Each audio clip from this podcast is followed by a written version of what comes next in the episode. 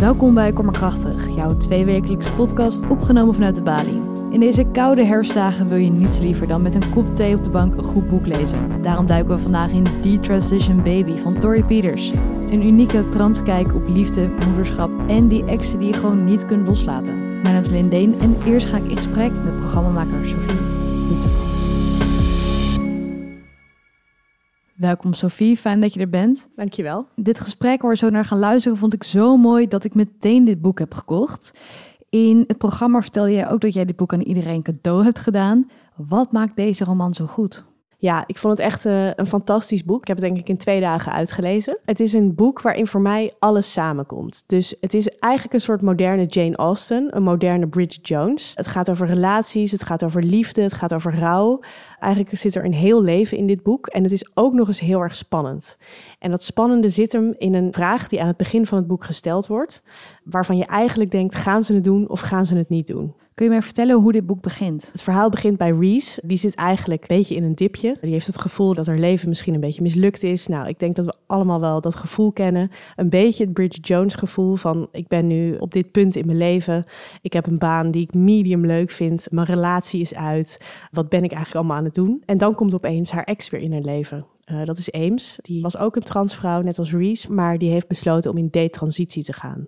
Dus die is nu weer een man. Hij heeft een relatie met een cis-hetero vrouw, Katrina, en zij is zwanger. Ames komt naar Reese met de vraag: Wil jij met mij en met mijn nieuwe vriendin een moderne familie gaan vormen? Ames die struggelt heel erg met de vaderrol. Omdat aan het woord vader zitten heel veel culturele normen vast. En die wil hij graag doorbreken. Dus hij denkt, als ik Reese erbij betrek, dan kunnen we echt een modern gezin vormen. Waarin uh, taboes doorbroken worden en structuren doorbroken worden. En, dan, uh, en dat is eigenlijk de vraag waar ze met z'n drieën uit moeten zien te komen. Ik kan me voorstellen dat ook omdat een van de personages in die transitie gaat, dat dat ook voer is voor mensen die juist transrechten willen inperken. Hoe kijkt Tori hier zelf tegenaan? Ja, het idee kan een beetje zijn dat omdat Tori daarover schrijft, hè, dat een transvrouw eigenlijk uh, stopt met in transitie gaan en stopt met hormonen nemen om weer man te zijn, dat dat een argument is uh, tegen transrechten. Of dat het een argument is om te laten zien, kijk, het is maar een fase. Maar wat ik zo mooi vind, is dat Tori Peters zelf zegt, we moeten dat gewoon terugclaimen, die detransition. We moeten gewoon laten zien dat het meespeelt in mensen hun leven. En dat eigenlijk die detransition voor een groot deel ook kan komen door hoe je gezien wordt door de maatschappij als transpersoon.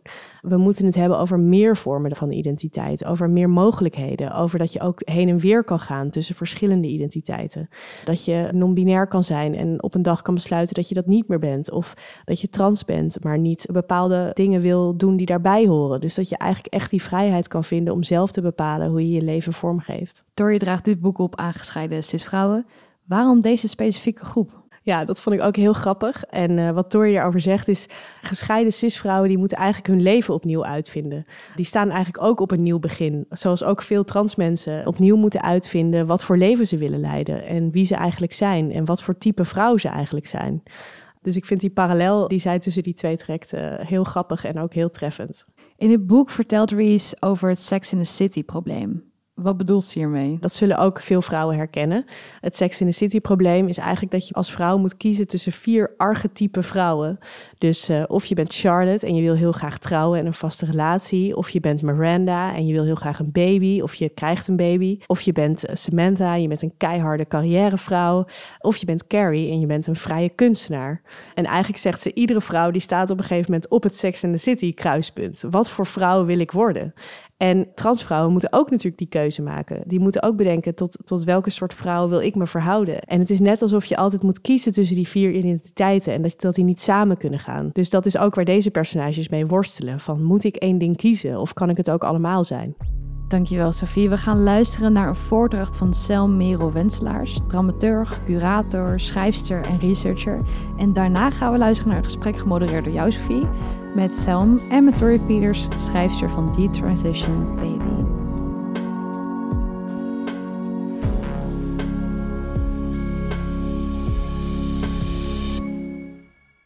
I flipped through my 2010 agenda.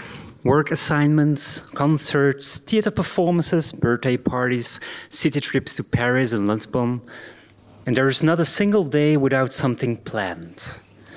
In between, there are six appointments with a psychologist from the gender clinic.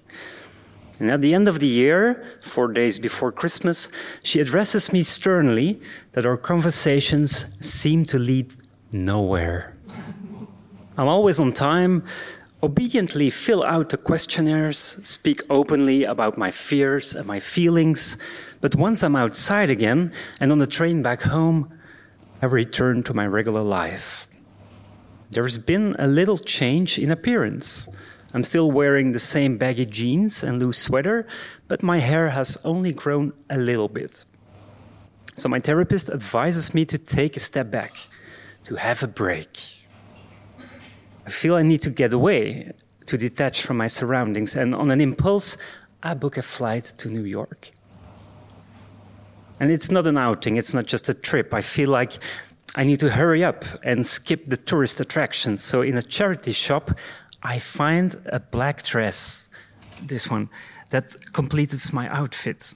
And with makeup on and the red pumps I found at Macy's, the Bijenkorf, I go to a cafe, a cafe downtown where, according to a quite obscure website, trans women gather. Well, it turns out to be a dingy bar, a meeting place for chasers and their targets. So when a man approaches me at the bar, I excuse myself and rush to the restroom. I'm not here to find somebody outside of myself. And inside the women's restroom, well, it's crowded in front of the mirror, and I'm immediately noticed, greeted with enthusiasm, and given a hug by a stranger, and complimented. And yes, I feel seen and can finally head home because I know what's necessary and I have no time to waste. So back home, I inform my therapist I'm prepared to begin my transition. Decision making was never my strongest suit. So a few months later, prior to commencing the hormone therapy, I make my way to the Balie in Amsterdam still full of doubt. I take the train from Antwerp to Amsterdam, and with a suitcase full of clothes that I don't dare wearing at home, but maybe I will dare. And I'm on my way to the first edition of Transcreen, the Amsterdam Transgender Film Festival, here at the Balie. And through couch surfing, I've arranged a place to stay with a lovely lesbian couple who called me Selma for the first time and they help me with my makeup, but otherwise I keep my look simple and androgynous. In the bathroom, here, I change my outfit, the baggy jeans into the black dress. The opening film is about an American trans woman, Vicky Marlane, who is still performing at the age of 75. Forever's Gonna Start Tonight was the name of the film.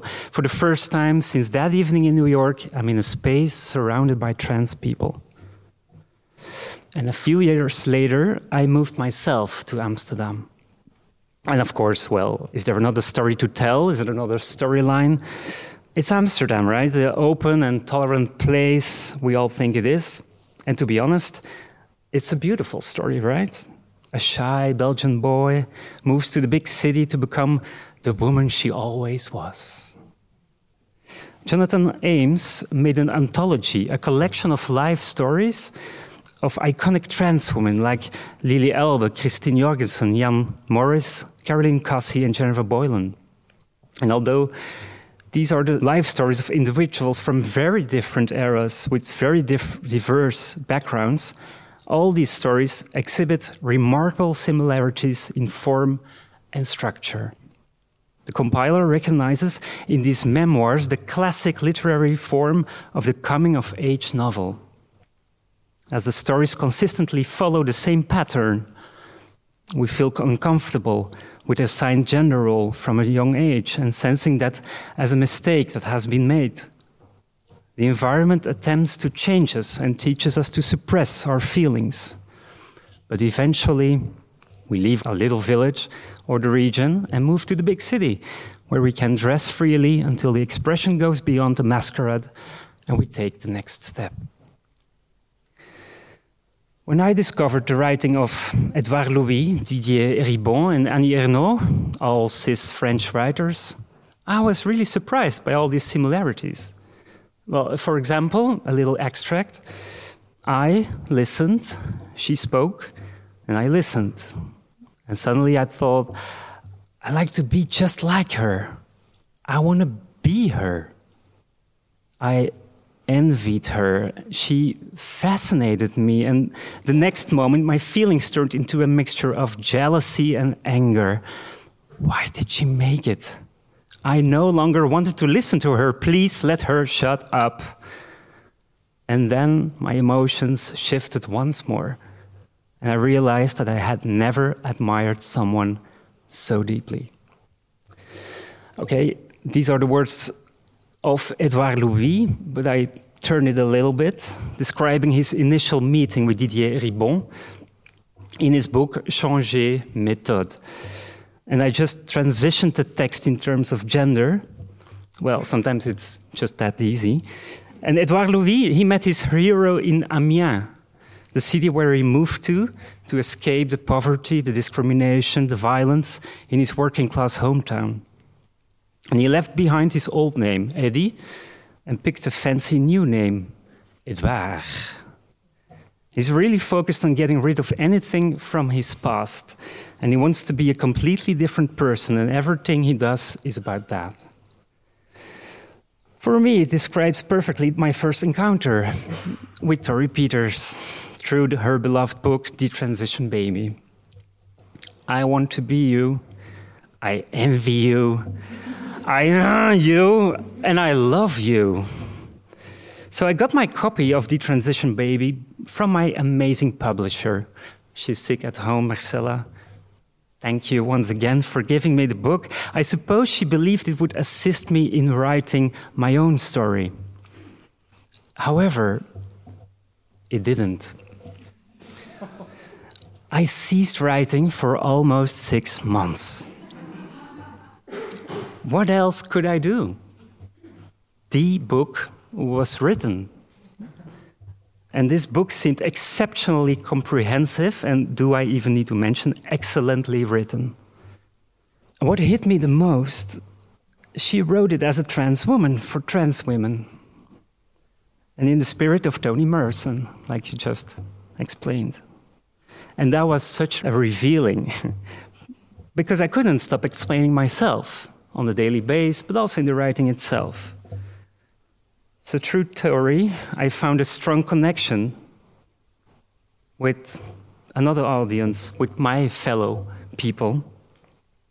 And you found this connection with divorced cis women, as you mentioned as well, who, like trans women, have to rebuild their lives at a certain point. The more particular the story, the easier you find connections beyond gender, beyond sexuality, race, and class. Like I find myself with the Frenchies, Edouard, Didier, Annie, but also with Dutch writers like Neske Becks and Sinan Chankaya. And the success of Detransition Baby is so well deserved and a sign of hope. Hope, right? That's all we have. We're all humans, after all. I'm so proud to see the book. It hits the charts, you have nominations, awards, and that's empowering, very, very much empowering, Torrey. And you are my Tony. now I can see the abundance. There is no shortage, as I felt like two years ago. I'm surrounded by so many fantastic trans writers myself, even in this city. And yes, I'm gonna give their names, like Valentin, who's here, and another Valentin, and Tammy, and Marta, Hannah, Jasper, Stef, Sam, Noor, Thomas, Maxim, Alex, Tim, Carly, Simon, Alejandra, Toby, Lucas, and Alara, of course, and so many I forgot, and I'm so, so sorry. But I started with an I, and I end with a we. So happy to be here with you 12 years later. Thank you. So, how do you respond to that? uh, there's so much, but you know, I actually, I guess I have two things I want to say. I'm like blushing a little. Um, I'm moved also. Uh, sorry, I'm moved. Um, Take a minute. Don't worry. I want to say two things. One is that uh, kind of a little story that when I first was trying to write, when I was in that topside scene, I, I showed up at this reading, and I read I read something that I had written like uh, kind of alone. It was about shame, and it was just really about myself. And I read it in front of I had never before read in front of a room full of trans women, and it was a piece about being ashamed to be a trans woman. And I read it in front of this room, and I um, I completely bombed. Like it's one of the few times in my life that that I really well maybe I don't want to be like the only times in my life I bombed, but I really bombed that day, and it was because I was writing about my own shame, and everyone in the room understood that I was actually talking about them, but I had never even considered them. That I was just so stuck in my own shame, and so they were insulted. Actually, it was an insult the way what I had written, and. Uh, I was shocked. You know, I had never, I, I, I, didn't really know what to do. And so I, I, went to like the after party afterwards and I was really embarrassed. And, um, and then I went, um, I went out with the publisher of the Topside Press. And he was like, you know what, you should come to this like little writing workshop that we're doing. And, uh, in the writer's workshop, he, he, said, you should write two things. Um, you should write a piece, and only two things should be in it. And I don't know if you if you have the have heard of the Bechdel test here about you know. Uh, a movie like are there two women who talk to each other in a movie about something other than a man you know in so many movies fail this bechdel test? Well he was like there's a topside test. And it's the question is are there two trans people who talk to each other in your story about something other than transition? And i realized oops no, nothing I wrote passes the topside test. And I think about, you know, the, what you just read, and I thought about the moment that, that felt powerful to me is, is the moment when you're in, in front of a mirror, you're just in a club, and other people welcome you, and other people, you know, compliment you. And it's not necessarily about transition, it's just about welcoming strangers. And I think that, like, that's actually, you know, culture, one person is not a culture one person is just somebody thinking. Like a culture is like between people. And so that little writing exercise that Tom had us do was a was an exercise in creating trans culture. Because uh, multiple people are necessary to create culture. So I want to just point first to that moment in what you just read and, and say, you know, that, that moved me. And, and I think that's one small reason why. And then the second thing I want to talk about is the idea of that there, there can only be one you know that that's against culture first of all if there's only one. And one of the hardest things about this book is that i was sort of made to represent you know that like this is the book that is going to tell all trans stories. And no matter you know i tried very hard to sort of point to other people and and and still at, at some point it felt futile.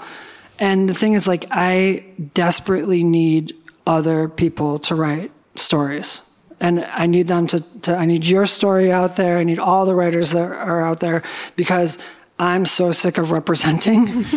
you on know, your own. On my own. Yeah. Like, I can't do that. Like, so it's like, you know, the more other people who tell their stories, the more I can tell a joke that's just me that's funny to like only me that's like my little thing and that and that no one will be like well that's not my situation and it's like yeah i know it's not your situation and and you should go read one of these other 50 books you know? And so i need more books written. And the the the what i what you know when i was younger and stuff you know you think that you want to write the book that is like held up that way. But i've actually found it's incredibly oppressive to be uh, held up as that book, and and it it makes me lonely, and it is um, the opposite of where I where I started and, and where I hope to end, which is amongst on a shelf or hopefully a library uh, of of other books rather than you know yeah. It's mine. such a large responsibility yeah. to to bear on your own. And, and also like the thing is like i want to have like those feelings that you talked about. I want like envy i want competitiveness i want the things that like writers are petty right?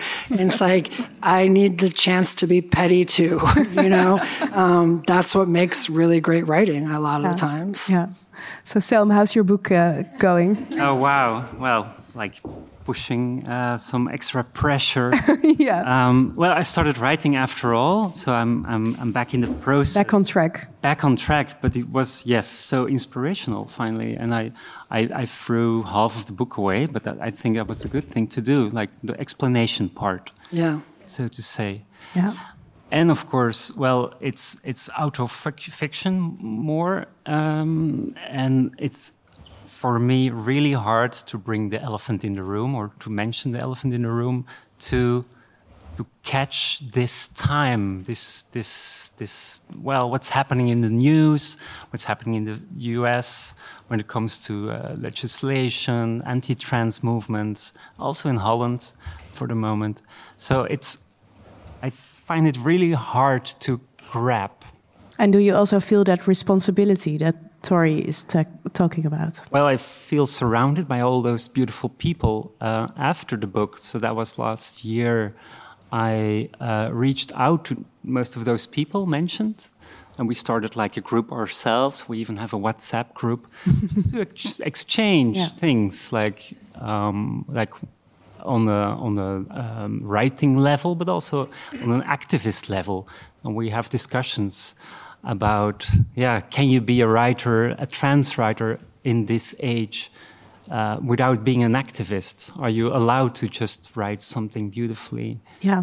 Um, so, um, I think there was also uh, a point in time where you called yourself a lazy transgender. hell yeah, Can you explain a little bit about that? been a while. Yeah. Yeah. Well, I, I, I took um, a detour, so to say. No detransition, but a detour. I took I took some time, so many many years. So, 2010 is like the starting point of the transition, but it's well, yeah, transition itself for the, the new kids is a word that they don't like to use. I feel like an oldie. I don't want to.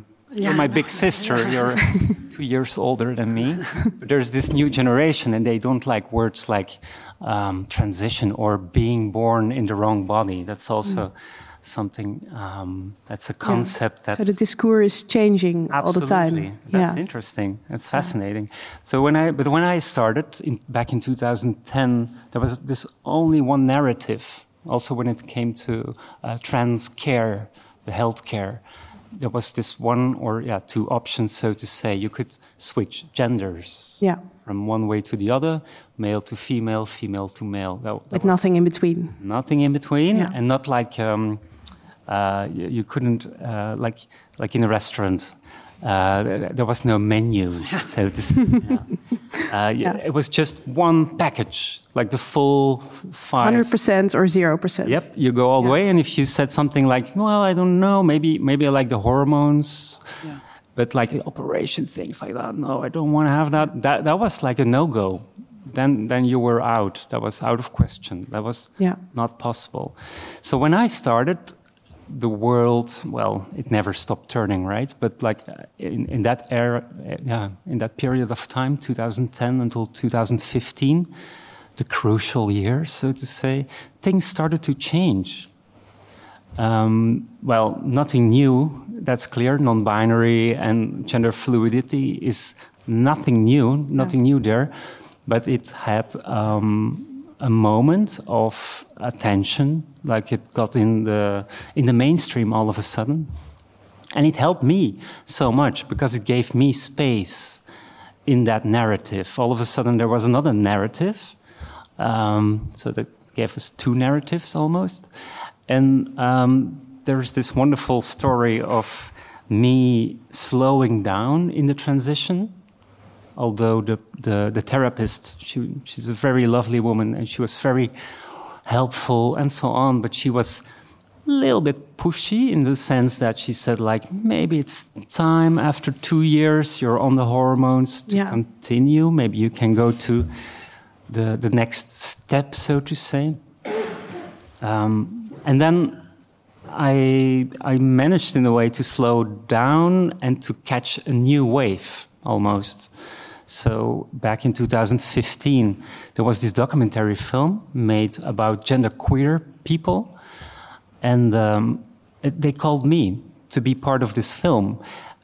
actually, I didn't identify myself as a non binary or a genderqueer person. I called myself a lazy transgender.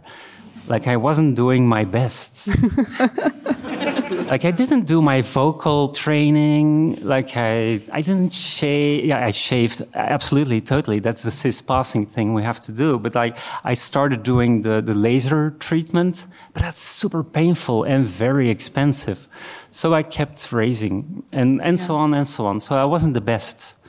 Um, Example of, uh, yeah. yeah. And then this lazy transness was like my new identity. Ident identity and space, yeah. And the story continues and so on. But that's yeah. for the book, maybe. And um, you just said that when you read the book, you could almost uh, uh, not write for for a couple of months. Mm. Um, is there a, a, character or someone that you recognized in the book, or maybe an anti-hero uh, that Torrey talks about? Well, I, maybe the the ones that that I'm missing are your parents, or no, sorry, mm. the parents. Parents in general. The parents, yeah. or parents in general, yeah. There is just a small sentence, I think. Yeah. Um, yeah, my parents. um, or the parents, we can. The parents, yeah. yeah. I mean, there's actually a section about where I wrote parents in the book, and I cut it out. Uh, not because I like was afraid of my parents, but just because um, I enjoy the idea I enjoy the act of self creation. I enjoy the way that trans people create create themselves, and um, you know, uh, I'm not that into like authenticity, like authenticity of of your experience. I'm into the idea that like that yeah, being trans, you can be a lazy transgender, you can be all these different things, and that you create you create who you are, and to some degree, you're always sort of like you have this like you know, influences or sometimes trauma from your past. But for me, the exciting part of, of being trans is that like I actually get to leave a lot of that behind. I mean, I literally get to change my name if I want to. I get to do the to whatever. I can come up with a presentation. I can work hard on certain things if I want to, not hard on other things, and that I'm not answerable to my to my parents, uh, and I'm not necessarily even answerable to my past. I think it scares people that, that I would not be necessarily answerable to my past. But that to me is actually, that's freedom, you know? And like that, that, that looseness is, is, is for me a joy. So I think I, I think I'm thematically uninterested in parents, despite the fact this is obviously a book about motherhood. Yeah, yeah, yeah. we come to talk about that later yeah, on, definitely. Yeah. But what, what was interesting for, for parenthood to you, or for parents in, in the novel, the parents of the, the main characters? What did you want to read, or what did you? Well, yeah, it's it's it's a very personal thing, of course. For me, like I start my story with my parents. Like mm. I I try to understand the uh, the road they took and the the things they changed in their lives, like when it comes to religion, for example, how they broke with certain structures or traditions, traditions norms, and so on, to to soften mm-hmm. and to feel a connection again. Yeah, and do you also understand that that freedom of breaking with the past and creating your whole self again? I live in Amsterdam. I, I, I, left my little village. I went to Antwerp. It's not a small village, but like Edouard Louis, I took two stages, so to say. You too, I think, right? Yeah, I mean, I think that's like why both books need to exist, right? Like, I think that that um, that I, you know, I'm interested in that story. I'm interested in how people tell that story. I also think that like um, the the problem is that one is that one becomes answerable to those sort of things, you know, yeah. and that in fact, when the books exist in a sort of intertextual way, well, the absence in mine can point to the presence in another book. You know, this is true not just with parents; it's true with with race. You know, the the book, the book basically, I did. Um, there's three characters, and just in terms of pure writing technique, I go into the heads of the two trans women. I don't go into the heads of the Chinese American woman Sisselman. And the thing is, I started writing that way. I started going into the head of all three characters. And then at some point, I was like, actually, books by Chinese American pregnant women uh, exist. And there's no reason why my book has to re- recreate their stories if you want that story, Yeah. my book is like, I consider my book like a finger pointing exterior to it, and that you can just look down the shelf and read those books. Um, instead of instead of trying to basically recreate work that, that is done better by other people. Yeah. Um, and so I, you know, I prefer to think of books as sort of like existing in a tapestry that way, where like if something is missing, it just means you have an opportunity to read more. Yeah, perfect. Okay, we will end it here. Thank you all so much for being here.